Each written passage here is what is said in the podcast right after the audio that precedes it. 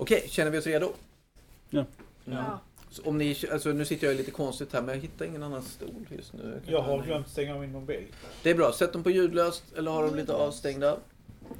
Eh, Okej, då är vi tillbaka då med bakom kulisserna.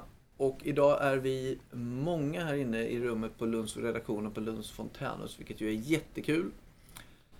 Och jag tänker att jag bara hälsar alla lite välkomna snabbt och lustigt här så det är inte så många. Men Martin, välkommen. Tack. Sitter på hörnan. Malou, mitt emot mig, välkommen. Tack.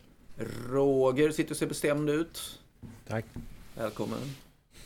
Rickard ser lite bekymrad ut. Nu ser du glad ut. Välkommen. Och Peter, hur går det med telefonen? Färdig. Färdig. Du är hjärtligt välkommen. Tack. Längst ut på hörnan där har vi Ingrid. Välkommen. Tack. Sen har vi i den karaktäristiska pälsmössan Eva Cecilia. Välkommen. Ja. Och bredvid mig Olof. Allt bra? Ja. Gött. Sen till vänster mig har vi Maud. Välkommen. Eh, Första gången du är med i podden va? Vad trevligt, kul att ha dig här. Mikaela, Ja. don't call it a comeback. You've been here for years. ja.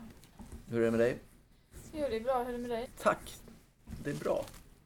Faktiskt. Och eh, du är hjärtligt välkommen. Ja. Och det vi tänkte prata om... Nej. Nej. Och det jag tänkte... Det jag tänkte, nu får ni lugna ner er runt bordet här. Det vi pratade om i måndags var att, att eh, och det var väl du Rickard egentligen som lyfte det här och pratade lite om skolsystemet. Och att vi har ju alla en erfarenhet på olika vis av att ha gått i skolan eller varit i ut- utbildningssammanhang och allting. Och, och, och vad var det du tänkte Rickard när, när du lyfte det? Vad var det du var intresserad av då? Ja, en sak det var ju att många blir ju kvällsmänniskor rent biologiskt när de börjar mm. bli tonåringar. Mm, Och skolan är ju bara på morgonen. mm, Så jag tror att många kunde mått bättre om det var en flexibel skola. Börja klockan åtta eller börja klockan elva mm, på förmiddagen. mm. Känner ni igen det? Ja. Ja. Jag håller med. Verkligen. Mm.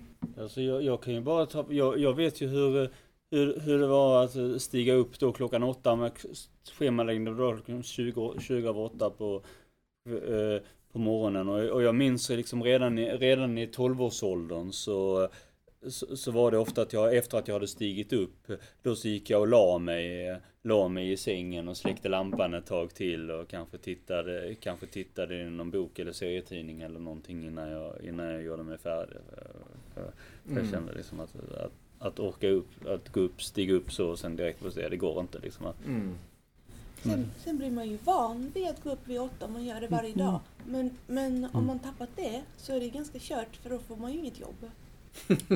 Nej men är det det som är grejen då? Är det, ska vi hjärntvättas in i en samhällsnorm Ja, genom att gå upp tidigt, lära oss att gå Nej. upp in, och in i rutinen eller? nej det tycker jag inte. Nej men jag tänker, är det det skolan kanske formar oss till Ja, ja. från, från början? alltså? Eller de vill ju forma oss att vi ska arbeta. Mm. Men jag tycker så här att det är bra att i Sverige att man ska arbeta, det är ju inte fel. Men det blir ju fel för oss andra som är utanför systemet för vi blir ju illa behandlade för att vi inte är arbetsföra.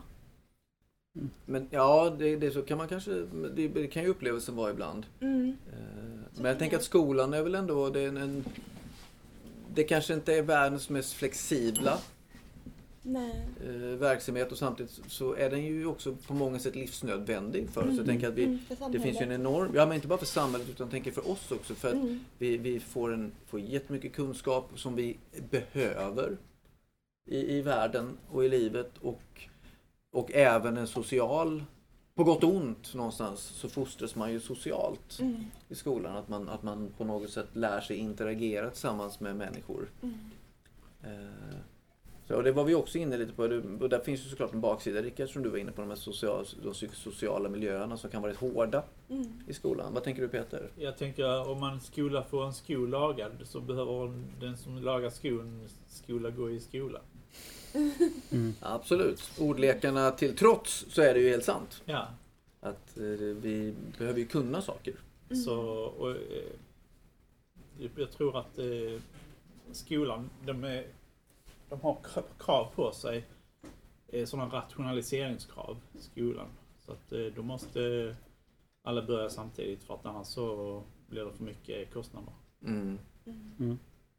Många här runt det här bordet har ju inte jättepositiva upplevelser av skolan och vissa har positiva men också negativa. Sådär. Men, och så pratar du, om man då tänker att man vill ha en ganska individuell eh, riktning, för det känner man ju att man kanske behöver. då. Men det måste ju vara jättesvårt för skolan. Det är ju som, jag menar, hur generell, någonstans krävs ju ett generaliserat synsätt också med tanke på att det är så, det är så många.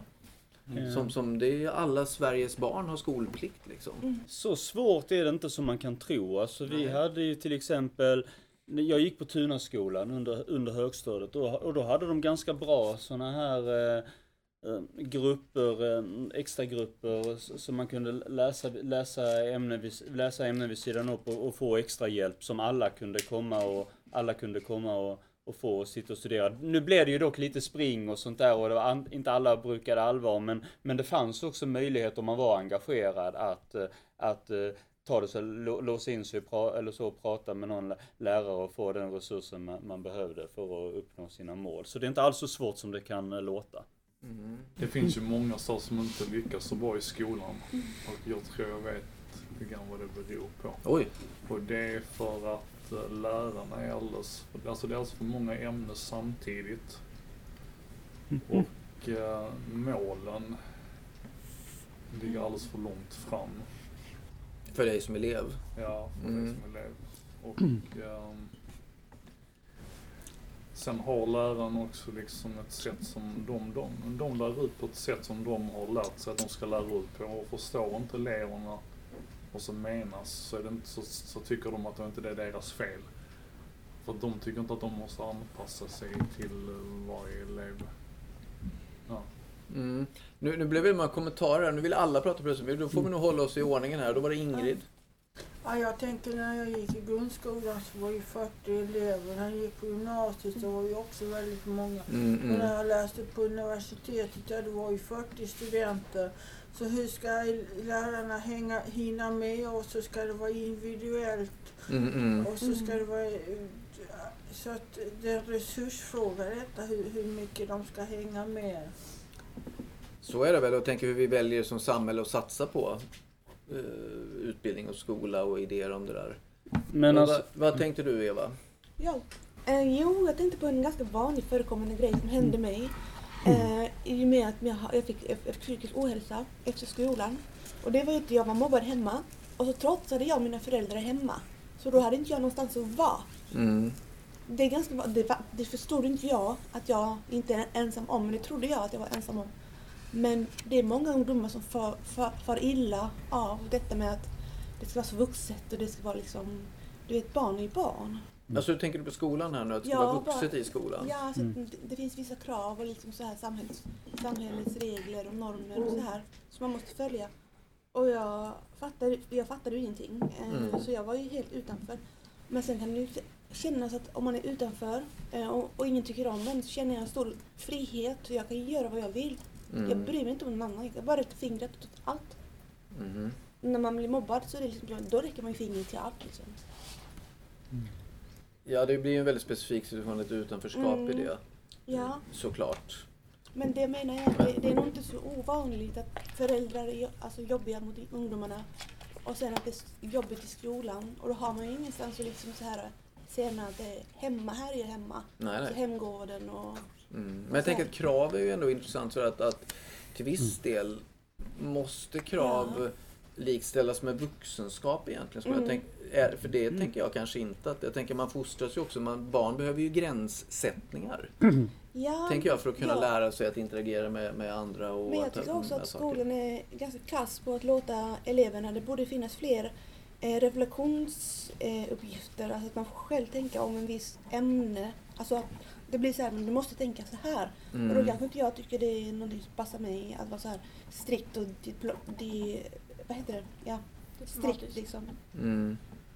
Nej, jag tänker att skolan kanske har ändrats till viss del på det där utifrån, på gott och ont kanske. Men vi kan Mm. återkomma till det. Vi har Peter och sen Malou. Men nu, ska Nej, och du var efter Skippa det. mig fullständigt. Nej, men du var snabbare upp, men även i så fall. Ja, jag Alla vill ju prata samtidigt. Ja, men de... Nej, jag skiter i det. Peter, vad skulle du säga?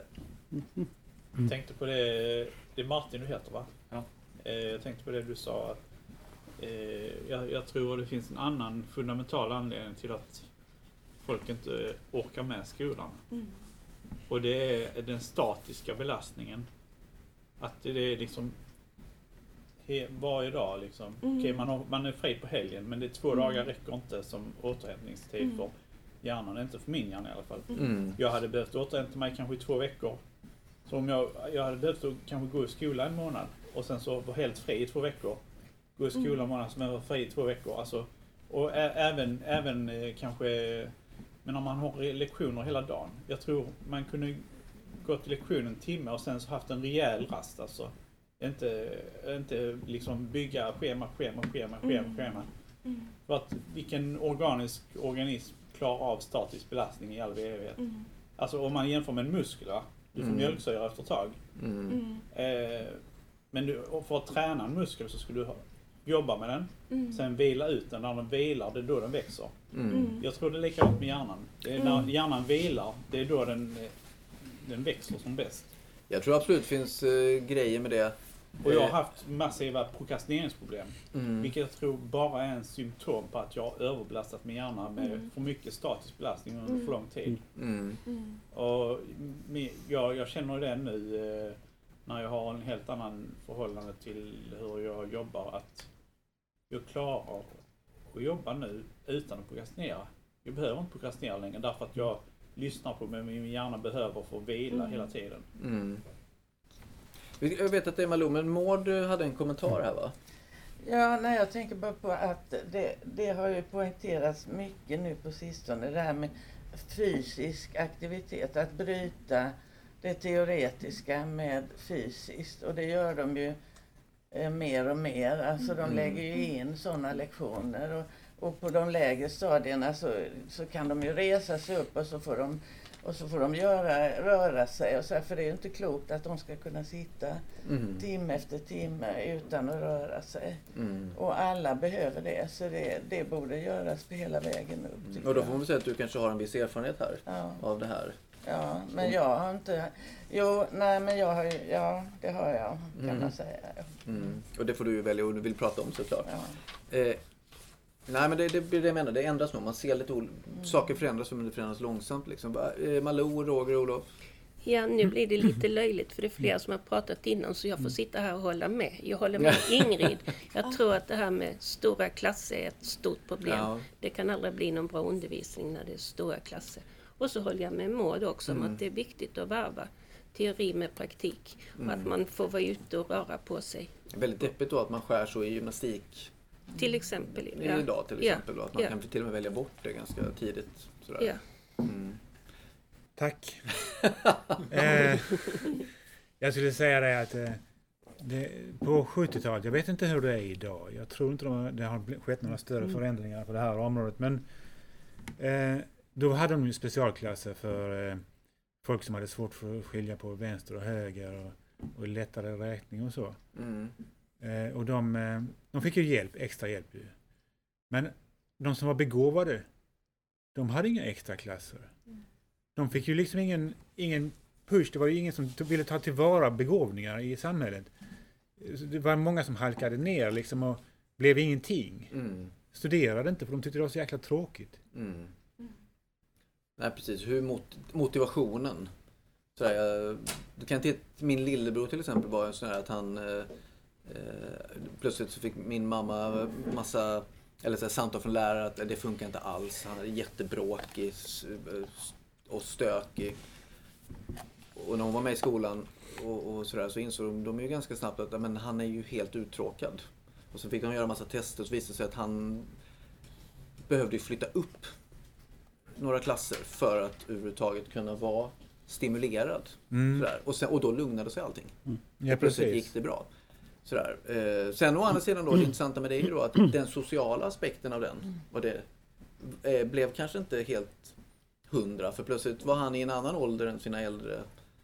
Eh, sådär. Och då, då Mm. häng, alltså, vissa grejer hänger med men vissa grejer hänger inte med. Så det är en ganska svår... Då fick han tuffa till sig lite där då. Jag tror att det blir, jag menar, jag menar, det, det blir bra men jag tror att det, det, är inte, det är inte jätteenkelt heller där.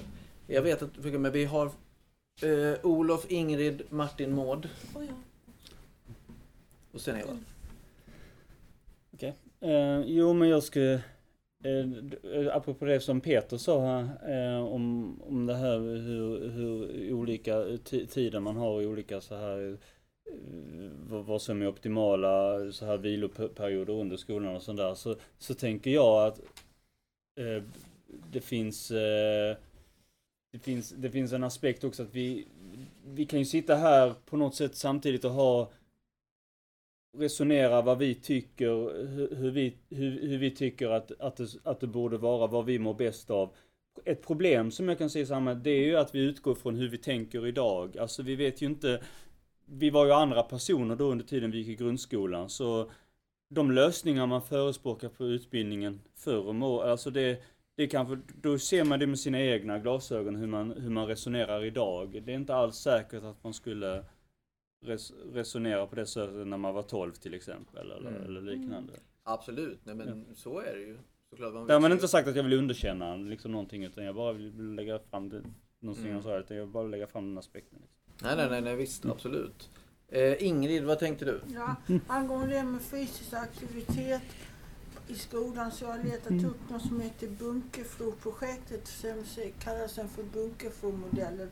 Och den startade som ett projekt på Änglaslättskolan i Malmöstaden, Bunkeflostrand 1998 och syftet var ju det att man skulle öka fysisk aktivitet, alltså idrott och hälsa ämnet i skolan och det visade sig att då ökade ju både framförallt för pojkarna fick bättre skolresultat.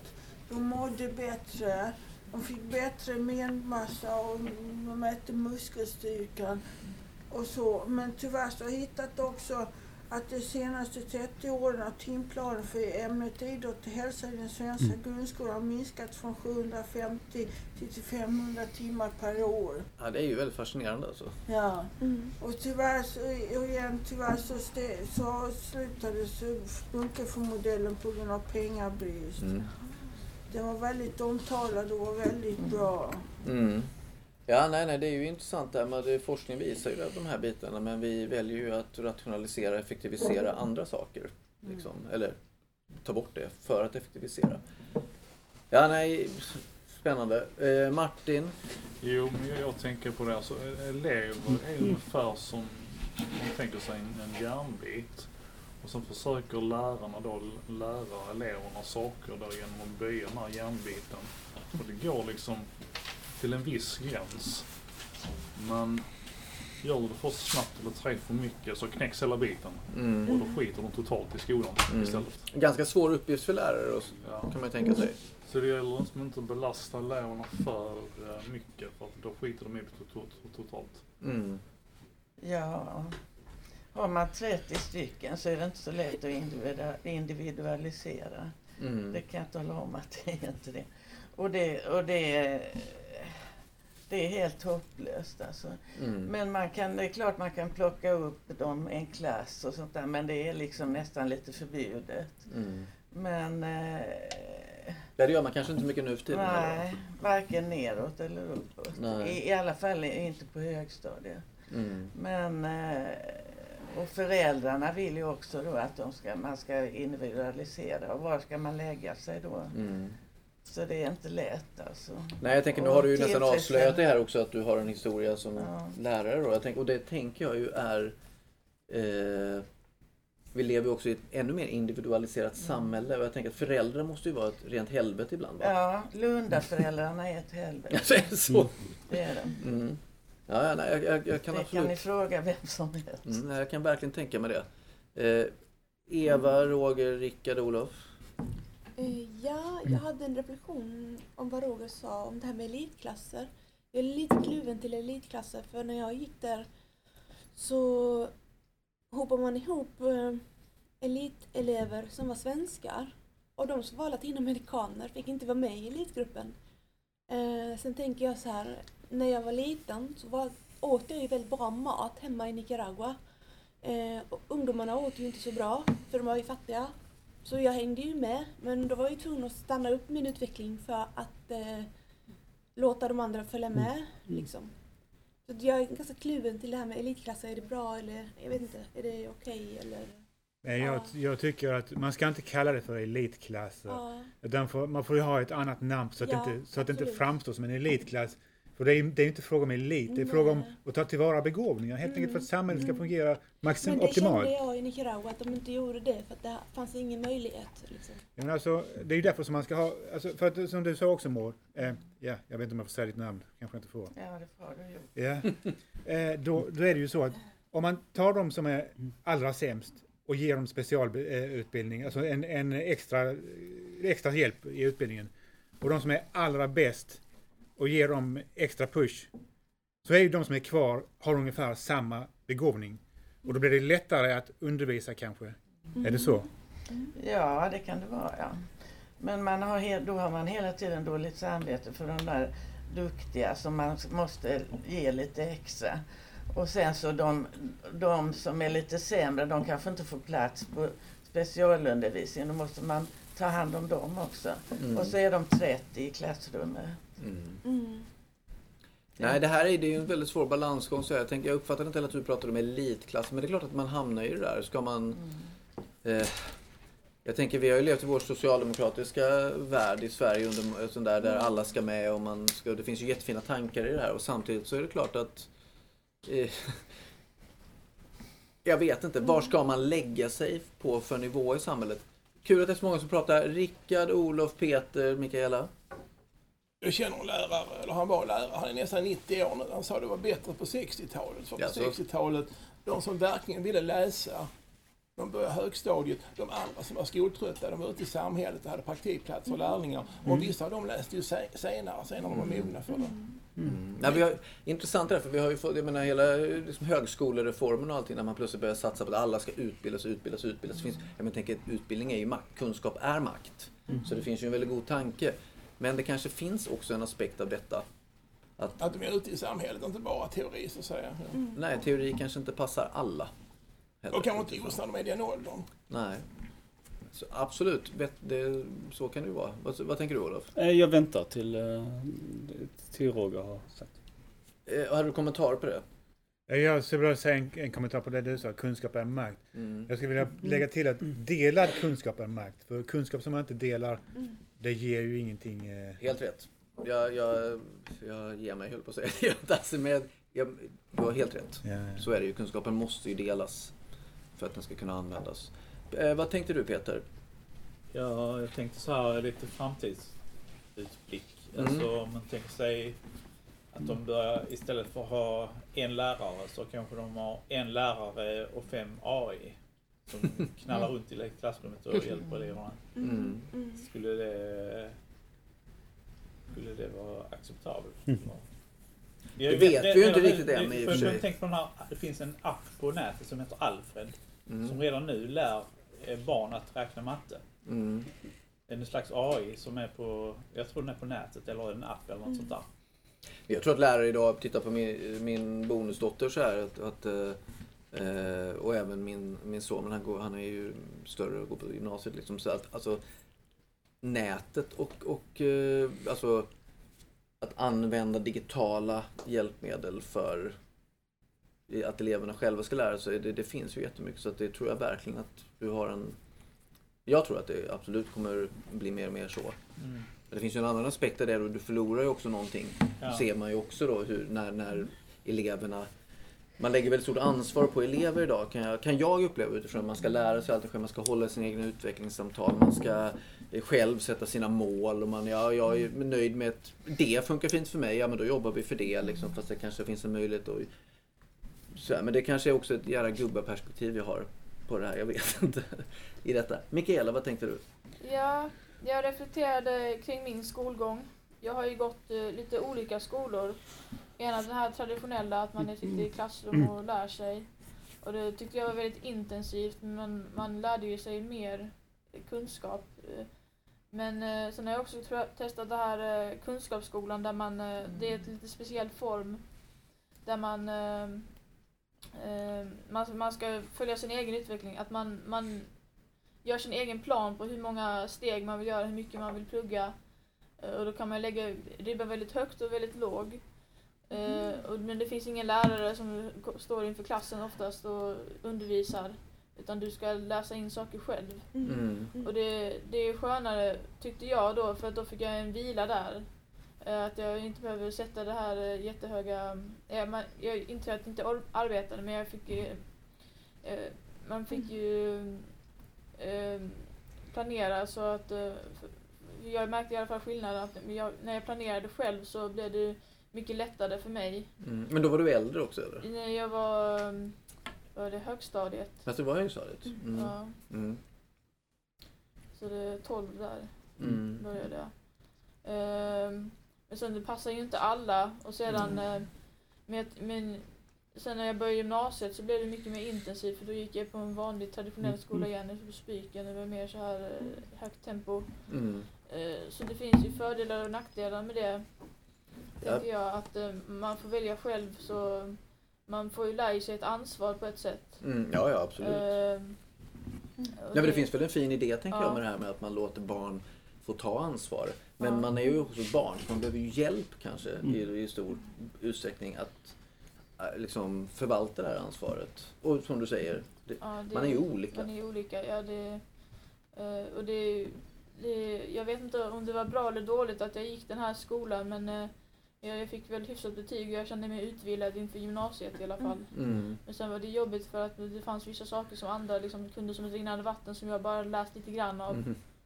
Eh, men, det, men jag kände också att på gym- gymnasieskola att jag liksom förlorade vem jag var. På gymnasiet? På gymnasiet, för jag bara, för det var bara plugg, plugg hela tiden. Mm. Så då mådde jag ju inte bra psykiskt. Mm. Eh, så det är lite reflektioner utifrån det. Och sen funderade jag också kring, eh, för det är ju olagligt att skola sina egna barn i Sverige, tror jag. Eh, att, vad tycker ni om det? Är det eh, någonting som borde vara olagligt eller kan, för ju mer, ju mer det med corona och sånt, att man, man pluggar distans nu.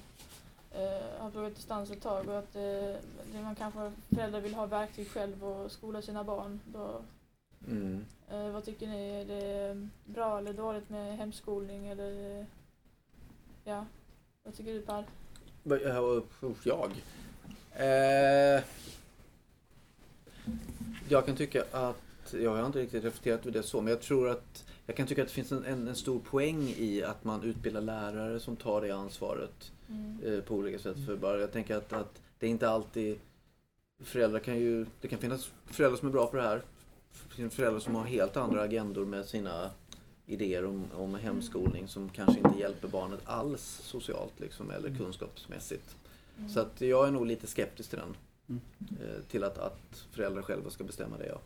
Men Men man, när jag kan väl tänker få på det. en, eh, man kan väl få en sån här egen så här struktur av eh, någon som skriver. Det finns ju massa material där ute. Absolut, men jag, för min del, om jag tänker så här, vi vi är så många som vill komma in här så jag ska inte, men jag tänker att för min del finns en stor socialiseringsbit eh, med skolan. Eh, alltså just att man får träffa andra barn, att man får lära sig ett, ett socialt agerande. Det slår ju ofta fel, men det slår ju oftare rätt. Och jag tror att man, barn behöver det. Jag tror att det finns en fara i att isolera barn med, i hemmen med sina föräldrar på det sättet. Sådär. Men det finns säkert massa olika perspektiv på det också, tänker jag. Nu är det många, det är, det är Olof, det är Eva, det är Roger, det är Peter. Ja, n- nej men alltså jag, jag tänker det, det som vi började prata den här diskussionen om, det är ju det här, det är det här med hur, hur kan en elev, hur kan man, man som lärare, för du hade ju själv, du hade jobbat med, med elever också, att det var svårt att tillgodose i alla individers önskemål och i, när det är mindre, då, det, men det beror, det beror också på, det är skillnader om det, om det, om det är, där spelar också timplanen och läroplanen en stor roll för för om man har ett optimalt system så behöver man inte kanske, eftersom de flesta, det, det fungerar, en, en viss standardisering för, eh, kommer automatiskt, alltså folk, folk rättar sig på något sätt i och, och, och så kan man koncentrera sig på de som kommer lite efter. Men om man har, ett, om man har en läroplan som, som gör att väldigt många hamnar och blir, dropouts så blir ju problemet att då hamnar man i mycket, då måste, då måste läraren prioritera mer och då, blir- då blir det ju mer sådär ver- verkligen att man måste ta varje, varje, titta på varje individ och det är på något sätt har vi hamnat, kan det vara tecken på att vi möjligt har hamnat i någonting nu som vi egentligen velat undvika från första början. Eh, sen tänker jag väl det här med hemskolning och sånt så eh, tycker jag, ja, jag tycker väl att sådana här, det kan vara under speciella omständigheter om en, om en elev inte har skötts, skött sig eller någonting som, som jag själv var med om när jag var tio, att jag då eh, skolades hemma någon vecka eh, eller två eller att jag gick halva eh, på grund av att det varit, varit konflikter i klassen. Och om det är något speciellt som eleven är med om de har flyttat eller om det är de är med i något projekt eller så så kan det vara bra att ha en sån här upp, eh, att, att man har en dialog men då, att då läraren är, in, är inblandad och att det finns någon, någon form av läroplan inför, alltså man gör upp ett schema och en, men, men, jag tycker, men jag tycker inte det är en bra idé de här hemskolor till exempel att att föräldrar till exempel av religiösa skäl ska kunna hålla sina barn hemma för att de godtyckligt säger att jag, jag vet vad som är bäst för mitt barn. Och då, blir, då blir ju den sociala biten lidande. Mm. Mm. Vad tänkte du Eva? Uh, jag tänkte att uh, det beror lite på, det är ju lite, lite en klassfråga. För att uh, akademikerföräldrar har ju den kunskapen för att lära barn. Mm. Och då tycker jag inte det ska vara olagligt. Men jag håller med om det här med religiösa eh, liksom strukturer och så här. För att det finns ju en del. Men jag tänkte mest på det som Peter sa om Mm. olika lärare i en klass. Jag tänker att lärare får ju vara som förebilder och inte så penalistiska. Liksom, att du ska lära dig detta. Eh, eller sätta sig över eleven och säga att du ska göra detta. Alltså så här. Eh, utan de får ju vara en inspiration till eleverna att vilja lära sig. Och då Mm. tänker jag att reflektion är jätteviktigt för att eh, eleverna får själva tänka vad de själva tycker om utbildningen. Hur, hur, hur tänker du? Att elever får själva... För Ja, det gör man väl? Man ja, tänker ja, väl? Eller ska ja. man tycka till menar du? Jag tycker att eh, det borde finnas fler uppgifter som handlar om reflektion. Själv Mm. råkade jag det, reflektion låter ju så himla hemskt så det är jättesvårt att förhålla sig till reflektion. För att eh, man tänker, oh shit, nu måste jag verkligen reflektera. Så här, tvingas i det? Men om man ha, hade lärt barnen att tänka att ja, men, du kan ha åsikter om detta utan att bråka med varandra, utan att man Mm. har olika åsikter. Eh, så kan man ju bygga individer som är mer självständiga med så här, ja men liksom klara av eh, högre utbildningar genom, för högre utbildningar är ju väldigt ensamt. Det är väldigt mycket reflektion. Mm. Och det är man ju inte medveten om när jag kom från gymnasiet till högskolan så var det ju liksom man bara Åh, vad är Mhm. detta? Och så hade man inte det i ryggen, i ryggmärgen. Mm. Jag tror att det är bara snabb kommentar på jag tänker lite att när jag ser min son till exempel gå skolan Mm. så, så tror jag att skolan har ändrats ganska mycket. Jag tycker det är väldigt mycket reflektion Ja. idag mot vad det var när jag gick i skolan. Hoppa. Eh, sådär. Och, och det är ju jättebra att sådär. men det finns också en, en baksida av det att man, man ska också reflektera extremt mycket. Ibland tror jag att det kan vara bra att också bara lära sig att ta in kunskap. Alltså jag tänker att Ja, ja. det är väl en balans i Men det allting. tar inte bort alltså, själva lärandet.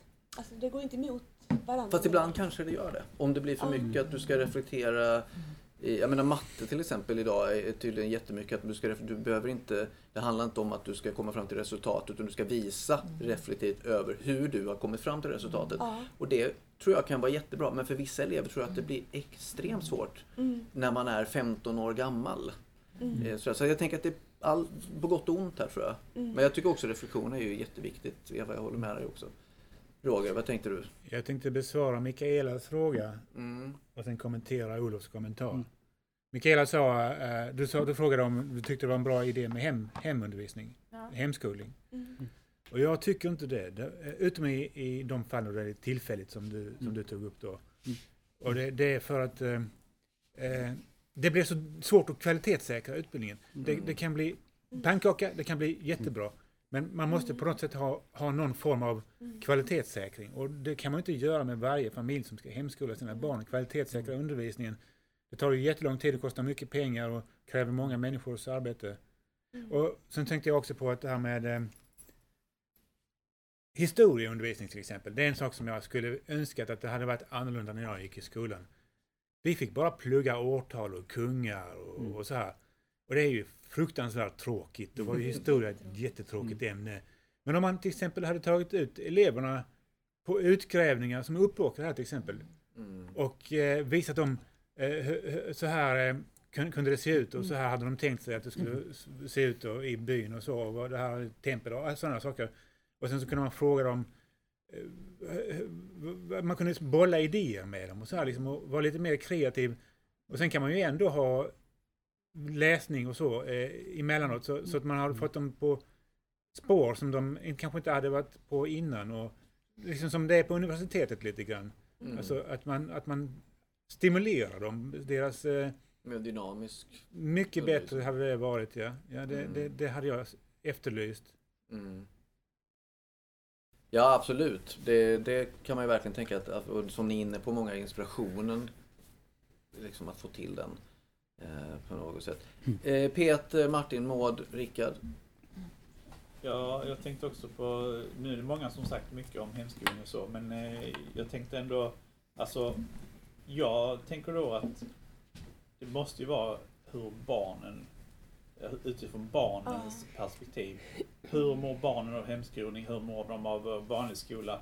Alltså det ska inte alls, föräldrarna ska inte överhuvudtaget vara inblandade i att bestämma om de ska vara hemskola eller inte. Utan det är bara utifrån barnen. Mår barnen bra av att vara hemskolade ett halvår? Ja men låt dem vara det då. Om de, om de kan visa att, eh, att de får bra stöd och så här från föräldrar eller liknande. Och sen kanske man ska göra så att om de har varit hemma i hemskola ett halvår så även om de fortsatt verkar, verkar ha fortsatt behov så ska de ändå prova och gå tillbaka till vanlig skola och se om det funkar igen efter att ha varit hemma ett halvår. För att om de blir hemma liksom i åratal så kanske de tappar en stor bit av någonting socialt eller sådär. Mm. Så och, liksom att man provar och sätter tillbaka dem i vanlig skola. Mm, du efterlyser också en större flexibilitet. liksom, Ja, en det större flexibilitet och, och, och eh, ofta utvärdering kan man kan utvärdera en gång i månaden. Hur går det? Hur, hur funkar de i hemskolemiljön? Eh, eh, skulle de må bra att gå tillbaka till vanlig skola? Alltså en utvärdering som är ofta alltså. Mm. Och då liksom, för att jag tror ändå att vanlig skola är ändå bättre tror jag. Mm, mm.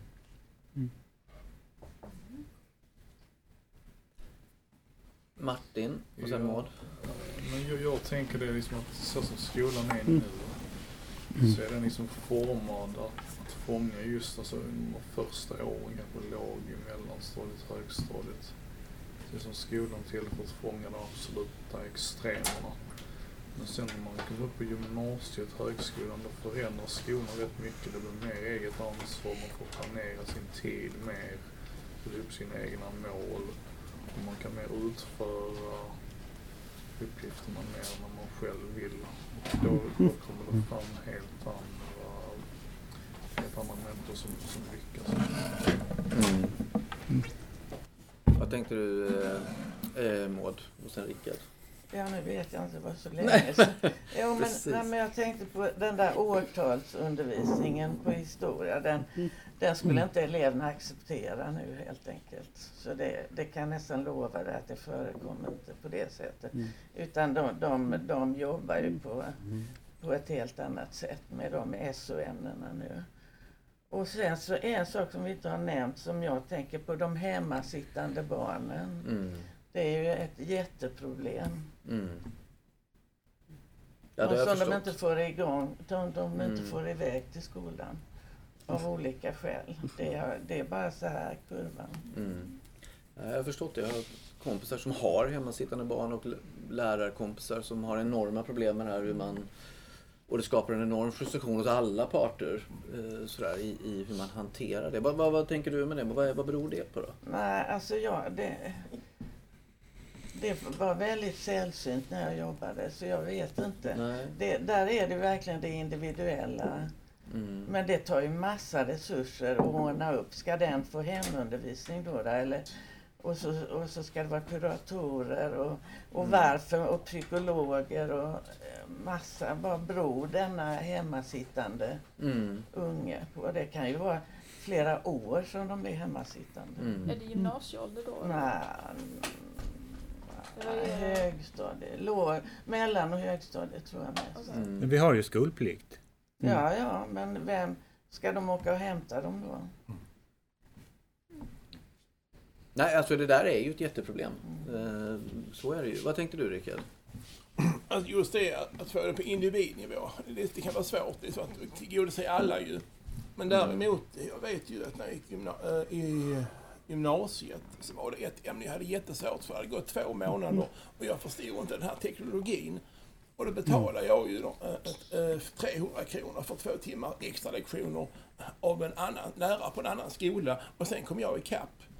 Och så ibland kan det vara med små medel man kan komma vidare helt enkelt. Nej, nej, extra undervisning eh, kan ju verkligen behövas. Och sådär. Nu fick du ta det i egen hand eller dina föräldrar och du där. Och, Ja precis, men då finns ju även, man kan vara tre elever och en lärare det var ännu billigare så att säga.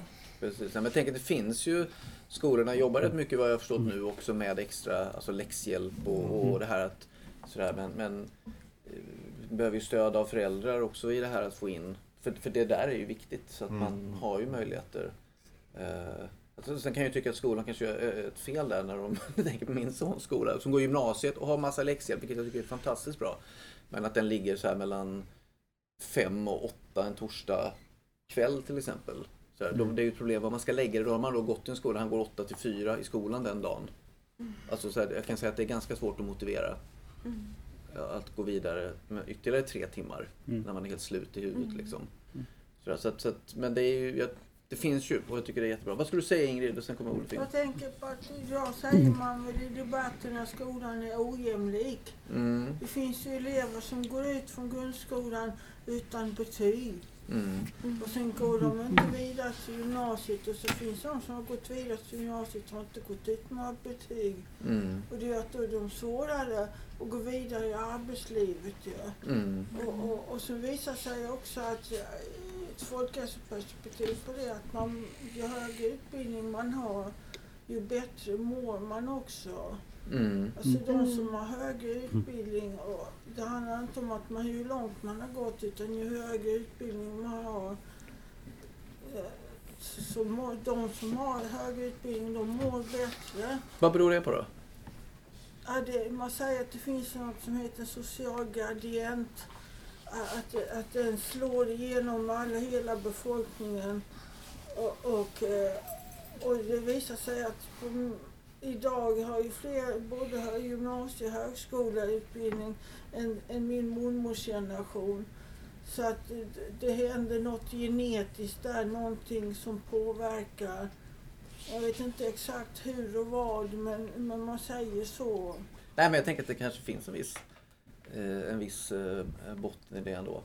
Absolut. Vad tänkte du Olof?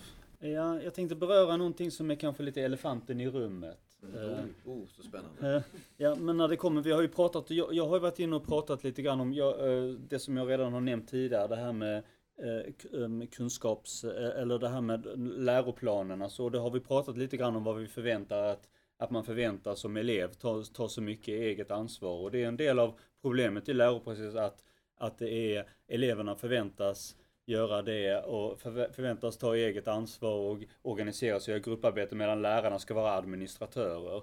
Och eh, Alltså det, det, den, den modellen, alltså den gör ju dels att det blir ju att, att fler, de som inte riktigt hänger med i det, alltså de, de blir ju så att säga, det, blir ju mer, mer, diag, mer diagnostiserande då, att de, inte, de som inte klarar det, de måste, vara, de måste vara konstiga på något sätt. Alltså att då måste de utreda, har de någon diagnos, har de ADHD eller, vad, eller något annat, eller autism eller vad som helst. Men det finns, det finns en annan aspekt också, det är, det är faktiskt att eh, po- eh, att eh, pojkar faktiskt missgynnas av det här och att, eh, och att flickor har ett övertag då som kanske kom, kommer synas. Hade det varit tvärtom så hade det nog varit ramaskri om man hade haft ett system som missgynnade, som missgynnade flickor i högre grad om man hade haft en utbildning. Men vi har ju väldigt många sy- system som missgynnar flickor. Jo. Så jag tänker att det kanske har med det att göra också. Nämn ett. Sådär. Eh, eh, Peter och Eva. Ja, jag tror jag tar tillbaka. Du tar tillbaka det? Ja. Men herregud, vad har hänt? Eva, vad tänkte du då? Eh, Jag, jag tänkte på det här med hem, eh, hem, utbildning hemma.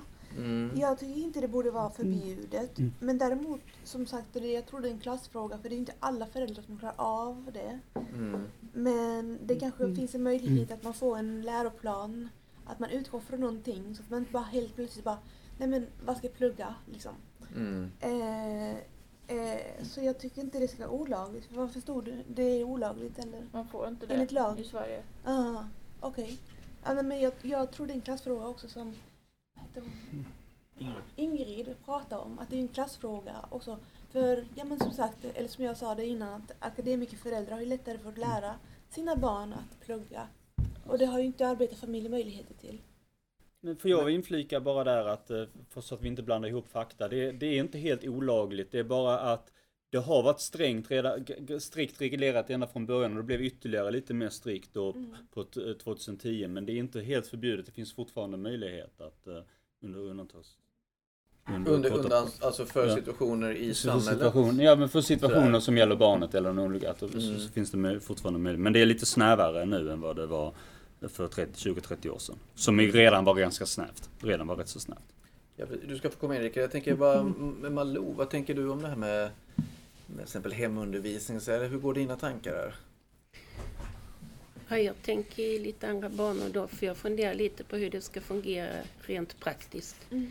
För jag menar, ska alla föräldrar stanna hemma då? De har ju ett jobb att sköta. Det är ju Mm. kanske vissa föräldrar som skulle kunna ställa upp på en sån sak, men de flesta kan ju inte det. Nej, nej, så det blir en klassfråga Ja, det blir det på ju det då. sättet. Ja. Mm. Nej, nej, definitivt. Och, det är Och så tror jag också att det är viktigt att barn har kamrater Mm. och att den här sociala biten är viktig. Mm. Mm. Ja, nej visst. Rickard. Om vi nu pratar om klassfrågor, då kunde vi även ha, det skulle vara ett, vara ett alltså, vad heter det, gratis mellanmål, nyttiga saker som de kan äta barn. Alltså, Men det har de ju. Det har de idag, alltså, okej. ja. Och även kanske friskvård för människor som är spända eller kanske inte får närhet. Att det finns sådana saker alltså, som, vi, som vi jobbar med det så att säga. Mm. Ja, men jag vet att man gjorde i, i så här, mellanstadie och lågstadie så jobbade man, så var det med när min son gick i skolan, att det var liksom att man lärde sig massera varandra och det Ja. fanns en annan Mm. Nej, men, det, men det försvinner ju längre upp du kommer i, i, i skolåldrarna. Så alltså, känns det som att det går tillbaka ganska mycket till, till mer klassisk. Redan på 70-talet så hade vi ju renskav som var en mellanmål på skolan. Vad så, renskav? Ja, på högstadiet i alla fall. Mm. Eh, Mm. Så alltså det var, det var tunnbrödsrullar med renskav, alltså renkött i. Mm. Det var jättegott. Mm. ja, renskav är gott. Jag håller med. Vad tänkte du Eva?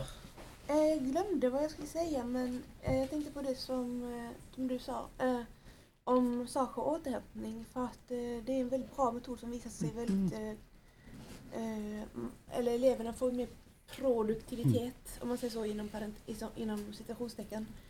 Att eh, eleverna blir mer produktiva då med, med hjälp av återhämtning. Alltså, vad tänker du på med återhämtning? Som massaker så som du nämnde. Jaha, det, ja, okej, okej. Mm, Mm. mm. Mm. Eh, alltså det har ju också visat sig på när man jobbar att låter man folk som jobbar vila i 20-30 minuter vid lunchen så blir de mer effektiva. Och det, det är ju det företagen vill ju ha, effektivt och så här. Eh, även om det låter lite så här eh, att man måste. Men ja, Det vill vi ha här också så jag avbryter dig och tar in Peter där nu. Jag har en eh, idé om en eh, nytänkande inom skolan. Jo, Ta bort läraren. ja. jaha. Okej. Och vill du, vill du utveckla det lite Peter? Eh, bland en klass elever så finns det de som eh, lär sig direkt av textboken. Mm. Inte alls blandar in läraren, de lär sig det direkt. Sen finns det de som behöver hjälp av någon annan. Men varför inte låta en elev lära en annan elev? Så att man Mm. liksom mycket mer baserat på elever lär andra elever. Speciellt i de lägre klasserna. Men de, Och då- som, de som är duktiga kan ju lära de som är mindre duktiga. Och de som är mindre duktiga kan ju lära sig av de duktiga. Ja, Jag tror att tiden går här. Kan vi, är det några reaktioner här Nej, jag har en på det här? reaktion. Ja, jag har Jag har en reaktion på det. Ja. Ja, det är att man, visserligen så, jag tror inte på idén där, för att eh, det, man kan ju ha elever som är väldigt duktiga. Man kan ju liksom låta dem hjälpa de andra eleverna tillsammans under, under överinseende av läraren. Kanske någon enstaka som är väldigt duktig. Det, det hade ju varit en grej, men man kan ju inte ha halva klassen som lär den andra halvan. Det hade inte funkat. det är lite beroende på, man får liksom, eleverna får själva säga men detta ämnet kan jag. Sen, detta, nej, detta I ämnet kan inte Nicaragua jag. fanns det så. systemet där faktiskt ingen. 12-åringar fick lära äldre gubbar att eh, lära sig ABC. Alltså, Det var så. Vad sa du Mikael? Jag tänker det är nog intressant där Den utifrån. som kan ingen. Nej precis, matte, äh, det kan inte jag, det kan ingen annan heller. Ja, Skit men i då, då är, finns det en backup-lärare som... eh, Okej, så det finns Ja men då lärare finns det ändå? lärare ändå. Ja, men, men liksom ta bort läraren som huvudperson, menar Mm. jag snarare. Läraren kan ändå finnas i klassrummet, men bara som backup när, när inte det finns möjlighet för elever att, Mm. lära. händer Är det med- inte det lite grann som vi har problemet redan idag? Att lärarna har en väldigt undanskymd roll och att det är mycket som eleverna. Så jag vet inte, det känns som att det skulle bli ännu större problem då. Nej, men det där är så individuellt ju. Nej, men de behöver, och- och när man, när man frågar vad de tycker att hur en lärare ska vara. Så det första de säger det är att, att de, eh, de ska känna att man är intresserad av dem. Mm. Att man är intresserad av ungdomarna. Mm. Det är det första kriteriet. Mm. Och sen så är det då att man kan sitt ämne och att man kan lära ut och sådär. Mm. Så jag, alltså det, där, det, det, det kräver en stenhård disciplin i så fall.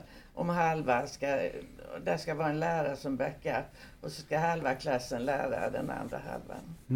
Vad tänkte du Martin? Ja, det tror jag inte. Nej, jag glömde bort. Mikaela? Det kanske fungerar som vuxna för då kan ju Mm. vuxna kan ju, kan ju ta mer ansvar och vissa kan mer än andra men just barn de är ju på samma nivå.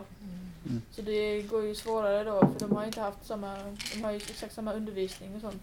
Mm. Och så tänker jag det här kring hemskolning också att eh, det är inte nödvändigtvis att man blir dåligt socialiserad, kanske i Sverige då för att är så isolerade. Men eh, man kanske inte, bara för att man inte träffas socialiseras med andra barn så kan man, betyder inte det att man kan socialiseras med från familjer och man kan ju gå på olika grupper och sånt. Så det betyder Mm. inte nödvändigtvis att man inte får något socialt liv bara Nej. för att man inte har eh, jämnåriga, att alla är exakt samma ålder liksom. Mm.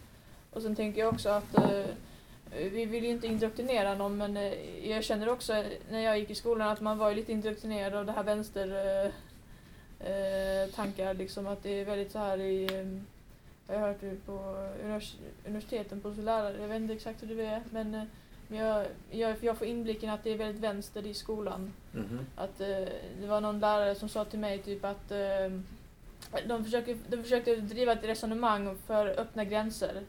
Eh, vilket för mig är väldigt så här eh, de, var, de, de, de, Vänta, de matade en med en sån här snyfthistoria om någon som kommer från Mellanöstern och liksom så här, "Ja, men hade det inte varit bättre om han fick komma in här? Och så säger jag liksom så här, men vi vet ju inte vem han är. Eh, och då, då blir det lite så här, men det, det var liksom själva den ehm, det, det, känns som de, de vill liksom få in en på ett spår liksom. Så att man åker, går på ett visst Men håll. är det inte så att man i skolan idag lär sig argumentera väldigt mycket? Att man får ta Mm. olika roller sådär? Att en är rollen av att öppna, en rollen av att stänga och sen så försöka... Mm. Är det vad jag... Det är inte så här då? Det är inte så här. Nej, är Mm. det inte så här menar du? Är det inte så här också? På, på redaktionen menar du? Ja, ja. Mm. Ja, då kan jag väl svara. Men tänk om det var, det kanske är så att skolan bara vill lära ut lite empati och sympati istället för Mm. stenhård... Uh, uh, skitsamma. Jag ska inte ge mig in i politik. Jag som bara Vi, skoja med dig vi, Roger. vi lite. politiserar inte lite. Nej, det behöver vi inte göra. Absolut. Men, men Ja. det, ja. Eh, jag tycker att ett stort problem med skolan också är mobbing. Eh, för det har ju nog jag råkat ut och många andra. Mm. Eh, och det tycker jag är ganska så jobbigt. Jag vet inte hur man ska ordna det problemet men det finns säkert lösningar. Men, men mobbing är ju inte roligt. Nej, det där är ju en avart av, av, den, av socialiseringsprocessen. Mm. Eh, Så är det ju. Jag tänkte på en sak, det kan vara bra ibland om det är en stor skola och att samma årskurs byter klasser lite då och då så att säga. Så, Mm. så, så folk får träffa mer människor. Det kan väl funka. Mm, det är sant. Ja, ja, ja. Mm. Hörrni, den här timmen blåste förbi. Mm. Så att nu är det så att, att den här podden faktiskt eh, närmar sig sitt slut, eller den är egentligen slut Ja. redan nu. Mm. Eh, och Peter, du tänker att inte från sju minuter över två. du... Oh, du tänker ta en liten rövare här ja, precis. Nej, absolut. Vad tänkte du då att du vill fylla de sju minuterna med? Ja, jag, jag sa innan att eh, man kanske skulle ha det i de lägre klasserna med elever lär elever. Men det är så, kanske som någon sa, att det är bättre att ha det i, kanske på gymnasienivå då. Att man kunde ha, det, det är också beroende på ämne till ämne. Vissa ämnen är väldigt så här, som matte till exempel. Väldigt mycket liksom läsa i textboken hur du löser olika problem. Eller historia. Eh, man har två, två eh, elever och den ena eleven ska bara berätta historien hur, för den andra eleven. Eh, det här är den kungen och det här var han ute i Lützen och krigade och så. Alltså, så att det blev det blev ju en social interaktion där också. Som när jag satt i skolan, då satt, ofta så satt man ju bara i klassrum Mm. helt tyst och bara lyssnade på vad läraren sa. Det var ingen social interaktion överhuvudtaget. Mm. Ja. Alltså, jag tror att elever skulle lära sig bättre samarbete, ta ansvar, eh, kreativt lärande, eh, känna att de är mer motiverade. Alltså jag tror, jag tror att min idé är den bästa idén på länge. Men jag tror att du har, Peter, du har en jättepoäng i, lärande. Sådär. Eh, Jag tänker bara på en gång, om jag slänger ut den så här. Finns det inte också ett, i alla fall är min tanke om skolan utifrån när jag var liten eller när jag har fått barn och varit vuxen. Att, alltså, eh, livslärande, alltså, alltså, så det, är ju inte, det är ju inte ett hem. Men det är också en, en pedagogisk livssocialisering som skolan ansvarar för. Så där, och det kan man ju diskutera hur mycket lärare, läraren kan ju inte gå in och ta ett föräldraansvar. Men, men skolan har ju ett jättestort ansvar med tanke på hur mycket barnen i, alltså, av sin tid i livet är i skolan. Och behövs det inte vuxna då, tänker jag? Alltså att, att vuxenbiten är ganska viktig i, i, i, Ja, men det i det beror på vad man menar med vuxenbit. För många vuxna kan ju vara väldigt penalistiska som lärare. Nej, men, och det- jo, men är då, inte det, det absolut. lärande. Jag säger inte att alla vuxna är Nej, nej, snälla. nej. Och jag säger Eva. inte att alla är penalistiska. Penalistiska. Jag bara tänker att det finns också ett problem i, om man tittar på, på man läser viss forskning och, och artiklar, då, att, att det här med att eh, väldigt mycket barn uppfostrar barn. Sådär, och att man då får ett, ett s- lite snedvridet perspektiv eh, lätt utifrån vad, vad man nu har för nivåer, kunskap och ansvar. Vad, skulle- vad tänkte du Maud? Eh, nej, men jag tänkte, alltså det, det finns ju, alltså läraren, som lärare har man så många olika roller så Mm. det kan inte ana. Mm. Och det är, så vi, och vi klagar över att det inte finns någon tid för undervisning eller att det är för lite tid för det. Och det är så mycket annat. Och, och alltså det finns ju föräldrar, vi får ju vara föräldrar och kuratorer och, och, de, och föräldrarna ringer och gråter och klarar inte av sina barn. Och, Mm. Alltså det, det är... Många, många går ju i väggen alltså för de äts upp av det de, det de måste göra. Mm. För det är så många föräldrar som är vilsna. Mm. Nej, det där är ju en jätteaspekt av läraryrket. Ja, det det. Eh, sådär. Jag tänker, att om man bortser från penalism och det du pratar om Eva, så tänker jag att det finns ju också en enorm eh, kraft, tänker jag i alla fall, utifrån att barn får träffa andra vuxna och ha möjligen en kanal som man kanske inte får i vissa hem utifrån nej. liksom sådär. Så är det. Eh, sådär, Peter. Jag har en idé också hur man ska få in eh, vuxenperspektivet bland barn. Fast det bara är barn då. Ja, fast det är bara barn. Oj, Man spännande. har skäggbarn. Eh, det, det, alltså 35, Ska vi, 35, det här kanske vi får ta och klippa bort Peter, tänker jag lite nu faktiskt. 35-åriga Mm. män och kvinnor som vill lära sig eh, kanske högstadiematten om igen. Mm. De placeras in i högstadieklasser och får agera vanliga elever. Och Mm. vad de bidrar med då det är sitt vuxenperspektiv. Men de får att de lär sig den här, hö- som de har glömt för länge sedan, högstadiematten igen. Det finns exempel på Det där var ju det var mycket intressant. Det är oerhört politiskt inkorrekt måste jag säga Peter som avslutning. Du vet vad skäggbarn står för? Eller? Ja. Man kan, man kan ändra på betydelse. Det finns ingen... Skäggelever då? Nej, jag, jag tänker att eh, vi får se lite vad vi gör med den här. Knorren du här, tänker jag. Om det var något felaktigt ord jag använde Eh, jag tänker nu, ska Rickard, du inledde hela grejen. just åldrarna, jag gick Mm. på komvux, det var jag först, det var jag 19 år, det var väldigt trevligt för det var de som var 19 och de var 20 och de var 50 och 65. Det var väldigt eh, stimulerande med alla åldrar så det kan jag säga. Att, att det var ett brett spektrum vi på var det. vuxna så säger jag. Mm. Ja. Ja. Mm. Ja men eh, man kunde också, det är bara en tanke, men typ pensionärer som är lite ensamma, de kanske också Mm. kan behöva stöd i skolan. Eh, om de vill vara volontärer liksom. Ja, Mm. Vi jättebra. värderar inte Mm. våra, våra äldre så bra. De borde ju kunna ha massor med jävla erfarenheter. Mm. Tänk om de fanns med i en vanlig klass. Det här var jättebra. Ja. Malou? Jag tänkte på någonting annat. Att vi har ju, det har ju blivit längre och längre utbildning. Är det så självklart att alla ska behöva gå kvar i skolan så länge som de gör idag? Mm. Ja, Det handlar väl Nu om lite grann de- om... Nu Ja, men bör lite de Rickard. sex, ja, nu bör de vid sex års ålder och sen är det i regel tre års gymnasium som gäller. Men jag menar det är en förfärlig massa år. Och Mm. många vill inte Mm. gå i skolan. Många Mm. vill hellre ut och jobba. Mm. Och passar kanske bättre ut och jobba. Mm. Mm. Hörrni, jag tänker att vi, vi, det här är ju jättespännande. Vi hade kunnat fortsätta hur länge som helst. Nej, Ja. Peter. Får inte jag kommentera mitt ordval? Men, nej. Det får du inte. Eh, för nu Kan är jag inte jag klockan... göra det ändå? Okej, kommentera ditt ordval. Jag vill ta tillbaka ord som används i negativt syfte och använda dem i positiv bemärkelse. Mm. Skäggbarn är en bra grej. Det är vuxna som Mm, du breddar begreppet. jag breddar begreppet och Mm. gör något bra av det. Vi kan sluta med positivt och bra, tänker jag. Mm. Eh, hörni, det är alltså jätte, otroligt mycket grejer man skulle kunna prata om här och spännande saker. Eh, sen löser man ju inte saker heller smack boom så här. Även om vi fick absolut spännande idéer här på allehanda sätt eh, utifrån en framtid. Jag tänker att vi avslutar.